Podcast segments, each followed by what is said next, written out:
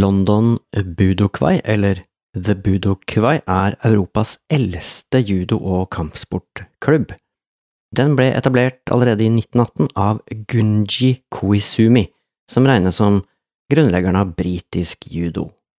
De første årene var fokuset i klubben stort sett judo, men i våre dager så kan folk i alle aldre trene både judo, aikido, pilates, karate, yoga og brasiliansk jiu-jitsu på The Budokwai.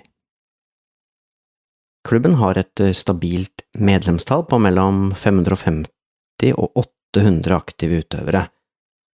Og det er trening alle dager bortsett fra søndag, og det er både morgentrening, ettermiddagstrening og kveldstrening. Nå skal ikke denne episoden være en eh, reklamesending for trening på The Budokwai, men siden dette da er Europas eldste judo- og kampsportklubb, så skal vi se litt nærmere på historikken til The Budokai. Du hører på Judomania, en podkast om judo, kampsport og selvforsvar, og litt japansk kultur og historie blir det også plass til.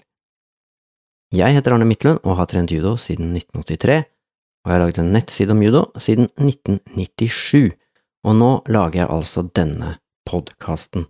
Den finner du overalt der du vanligvis hører på podkaster. The Budokwai, som jeg sikkert kommer til å kalle Budokwai eller London Budokwai gjennom denne episoden, ble altså grunnlagt i 1918, så å si vegg i vegg med Buckingham Palace.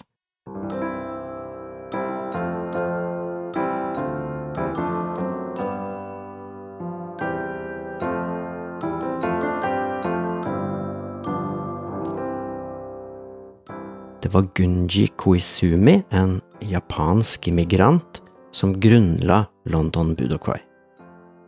Og han, Koizumi altså, hadde et intenst ønske om å bidra sosialt til samfunnsutviklingen, allerede fra han ankom England for første gang eh, i Liverpool i 1906. Da kom han tomhendt til eh, England, men han hadde flaks og kom raskt i kontakt med en som kalte seg Kara Ashikaga, som drev en nedslitt jiu-jitsu-skole. Her fikk han eh, jobb, og det ga akkurat nok penger til husly og litt mat.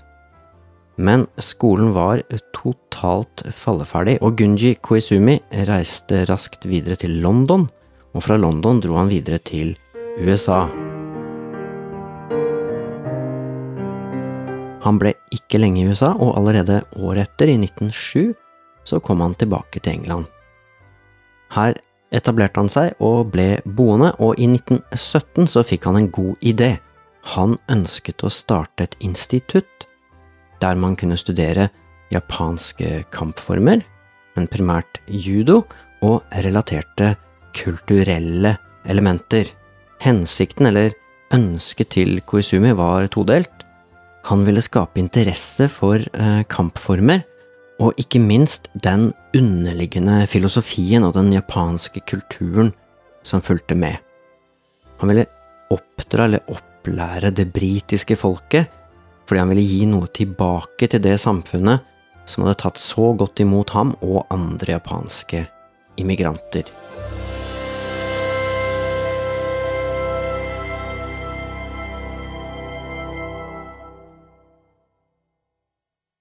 Og dette skrev Koizumi noen ord om også.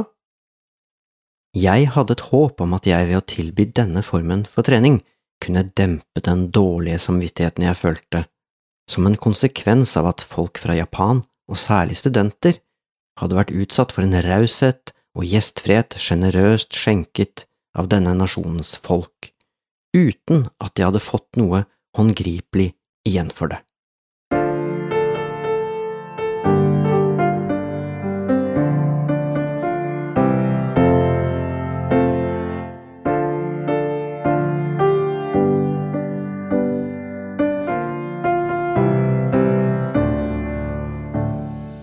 Budokwai hadde sine første lokaler i første etasje og i kjelleren hos en tysk skredder, og i våre dager er det fortsatt klær som selges i dette lokalet, men nå er det en italiensk eh, kleskjede som holder hus her.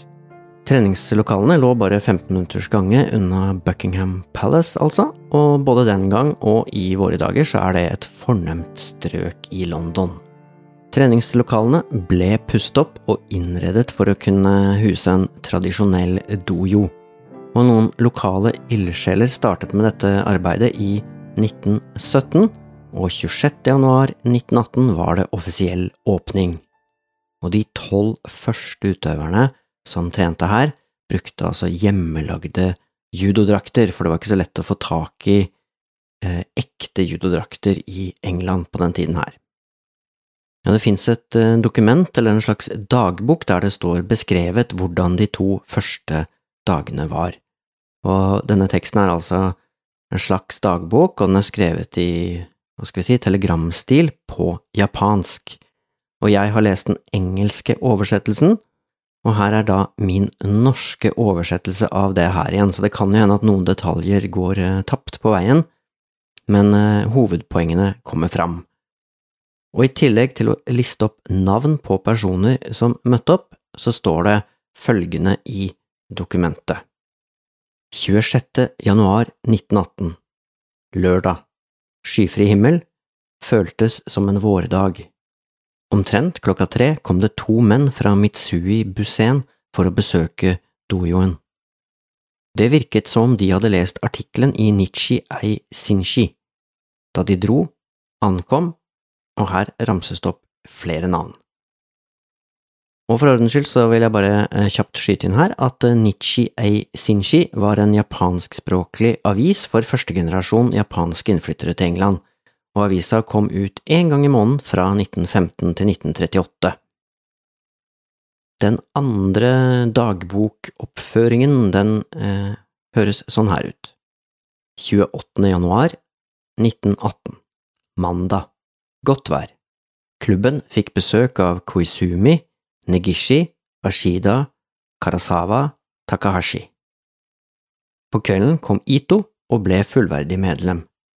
Midt under treningen med Koizumi hører vi den første flyalarmen på lang tid. Smell fra gevær. Klart måneskinn. Medlemstallet på Budokwai økte jevnt og trutt i løpet av det første året, og de 36 første medlemmene var fra Japan, men i mars 1918 begynte den første britiske mannen å trene på Budokwai, og like etterpå så var det klart for den første britiske kvinnen, Miss Cooper White. Og innen 1920 så var det faktisk 24 kvinner som trente på Budokwai. Medlemstallet økte altså det første året, og ved utgangen av 1918 så hadde Budokwai 54 medlemmer. De fleste, om ikke alle, tilhørte det øvre samfunnslaget. Budokwai lå, som vi har hørt, i et eksklusivt nabolag, og de som hadde råd, og overskudd til fritidsaktiviteter ble medlemmer. I juni det påfølgende året, i 1919, ble det arrangert et formelt stiftelsesmøte, og Koizumi kalte nå den nye klubben for Budo-Kwai. Og budo-begrepet kjenner vi kanskje fra før, det kan oversettes med kampform eller kampsport, og kwai det oversettes som regel med samfunn eller klubb. Jeg synes også det er fint å tenke på at logoen som ble valgt, består av to japanske tegn som betyr stopp og våpen, og at Koizumi la vekt på at hensikten med kampformer er å, er å stoppe slåsskamper, altså ikke å slåss.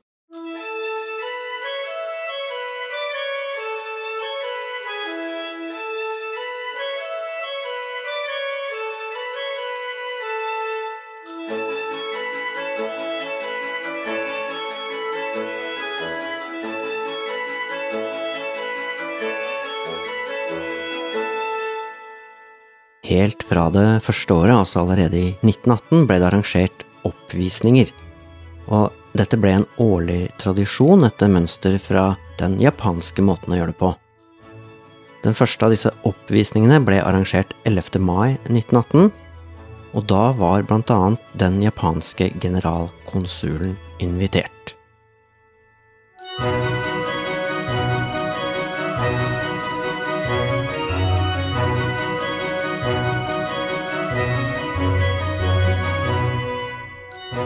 Og i forbindelse med denne første oppvisningen 11. mai 1918 så ble klubbens grunnleggende prinsipper vedtatt, og det er de tre følgende prinsippene.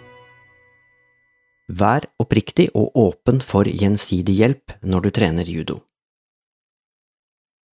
Verdsett ridderlighet, forakt feighet og etterstreb den korrekte livsførsel. Aldri skryt av eller misbruk dine ferdigheter i judo eller i andre kampformer. På plakater fra de første oppvisningene, altså reklameplakater for oppvisningene, så ser vi at det var ganske mange kampformer som kunne studeres nærmere hvis man fikk seg en billett. Billettprisen var ett pund, noe som tilsvarer omtrent 500 kroner i dagens kroneverdi, så gratis var det på ingen måte, men om du hadde råd til å skaffe deg adgang til oppvisningene, så kunne du blant annet se judo, som ble presentert som avansert jiu-jitsu. Du kunne se kendo, altså en japansk eh, form for fekting, og du kunne se noe som het nabebuta mot sverd, og på tegninger og bilder så ser det rett og slett ut som at man bruker kjøkkenutstyr, kasserollelokk, mot sverd. Jeg har lagt ut et bilde av det på nettsidene til judomania.no.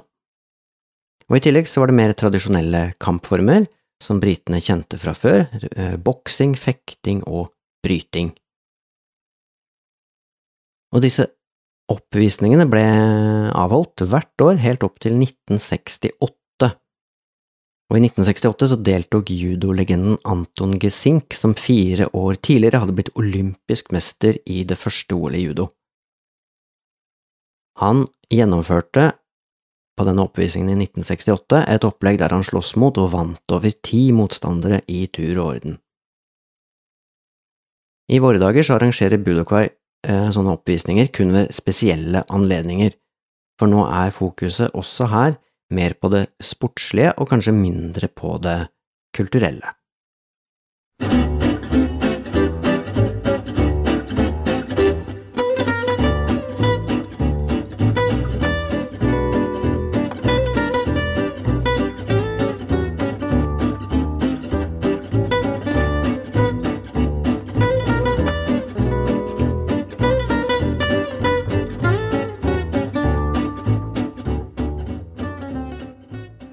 I denne første tida, vi kan si på 1920-tallet, så var det mye som skjedde.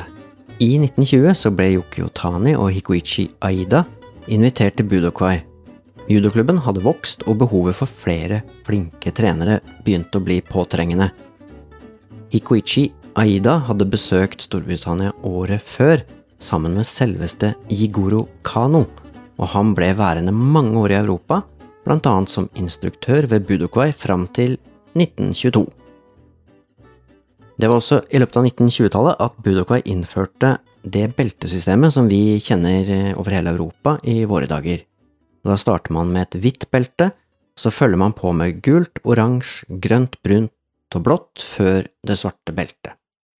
Hvis vi går videre til 1930-tallet, så er det fortsatt sånn da at uh, treneren på Budokwai har tette bånd til Kodokan i Tokyo, altså judoens vugge, kan vi kalle det, og dermed oppstår det et nært samarbeid mellom Kodokan og Budokwai. Og I løpet av 1930-tallet så ble det faktisk gjort noen forsøk på å forene Budokwai og Kodokan, og da så man for seg at Budokwai skulle være en europeisk underavdeling til Kodokan og Igor Kano skal ha vært veldig interessert i å få til det her, men forsøkene ble etter hvert lagt på is. Jeg fant ikke så mye informasjon om årsaken til at dette ble skrinlagt, men kanskje var det den stadig økende politiske spenningen mellom Japan og Storbritannia som gjorde dette vanskelig. Men selv om det ikke ble noen offisiell eh, sammenslåing av Kodokan og Budokwai, så fortsatte Jigoro Kano helt til sin død i 1938 å omtale Budokwai som London-grenen til Kodokan. På den tiden her så var judointeressen i Storbritannia raskt økende, ikke minst på grunn av BBC som startet TV-sendinger i 1936, og som allerede i 1937 viste en judooppvisning av budokwai. Det fins eh, selvfølgelig videoer av dette her på YouTube, og jeg har lagt ut eh, en sånn video på nettsidene til Judomania. Stikk innom der hvis du ønsker å se den videoen her. Selv om interessen for judo stadig økte i Storbritannia i løpet av 1930-tallet, så var den økonomiske situasjonen til budokwai ganske kritisk. Kampsportsenteret gikk i løpet av 30-tallet fra den ene finansielle krisen til den andre så å si uten opphold.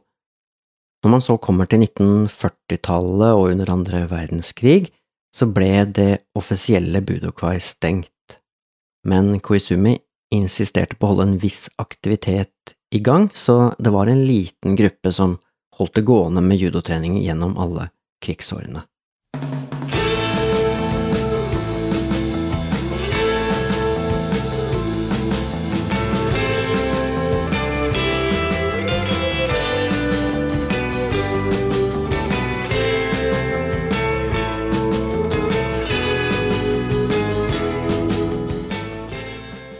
I årene etter andre verdenskrig, og særlig på 60-, 70- og 80-tallet, så holdt på å si, gjenoppsto budokwai som en drivkraft både i britisk og europeisk judo.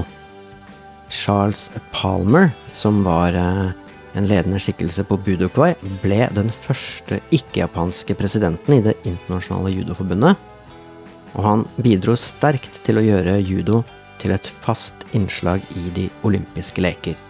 Som noen av dere vet, så var jo judo med første gang i 1964 i Tokyo som en prøvegren, men så ble judo tatt ut av programmet igjen i Mexico i 1968. Og da sørget Charles Palmer nærmest på egen hånd for at judo ble tatt inn i programmet igjen og var med fra 1972, og judo er fortsatt med i våre dager. Andre prominente navn fra denne tiden er selvsagt Neil Adams, som er en levende legende i judoverdenen. Han ble den første britiske verdensmesteren, og da jeg begynte på judo på 1980-tallet, så var han et stort uh, forbilde for oss alle. Jeg brukte personlig spesielt én av bøkene hans, som heter Olympic Judo Preparation Training, som utgangspunkt for det meste av treninga jeg holdt på med på 80- og 90-tallet. London Budokoi har også i våre dager en, eh, en viktig rolle, eller en, et sterkt navn, da, i, i europeisk judo, og trenerne og lederne på Budokai var eh, sterkt delaktig i å opprette Den europeiske judounionen, EJU. Jeg har aldri vært på Budokai, men kanskje noen av dere som hører på, har vært der. Har du vært der, så er det veldig artig med noen små historier eller anekdoter derfra, så ta gjerne kontakt, og du finner flere måter å ta kontakt på på judomania.no skråstrek podkast. Med det er det på tide å avrunde denne episoden. Likte du det du hørte? Tips gjerne andre om Judomania, både nettsida og podkasten. Det var alt for denne gangen. Takk for at du hørte på. Ha det bra.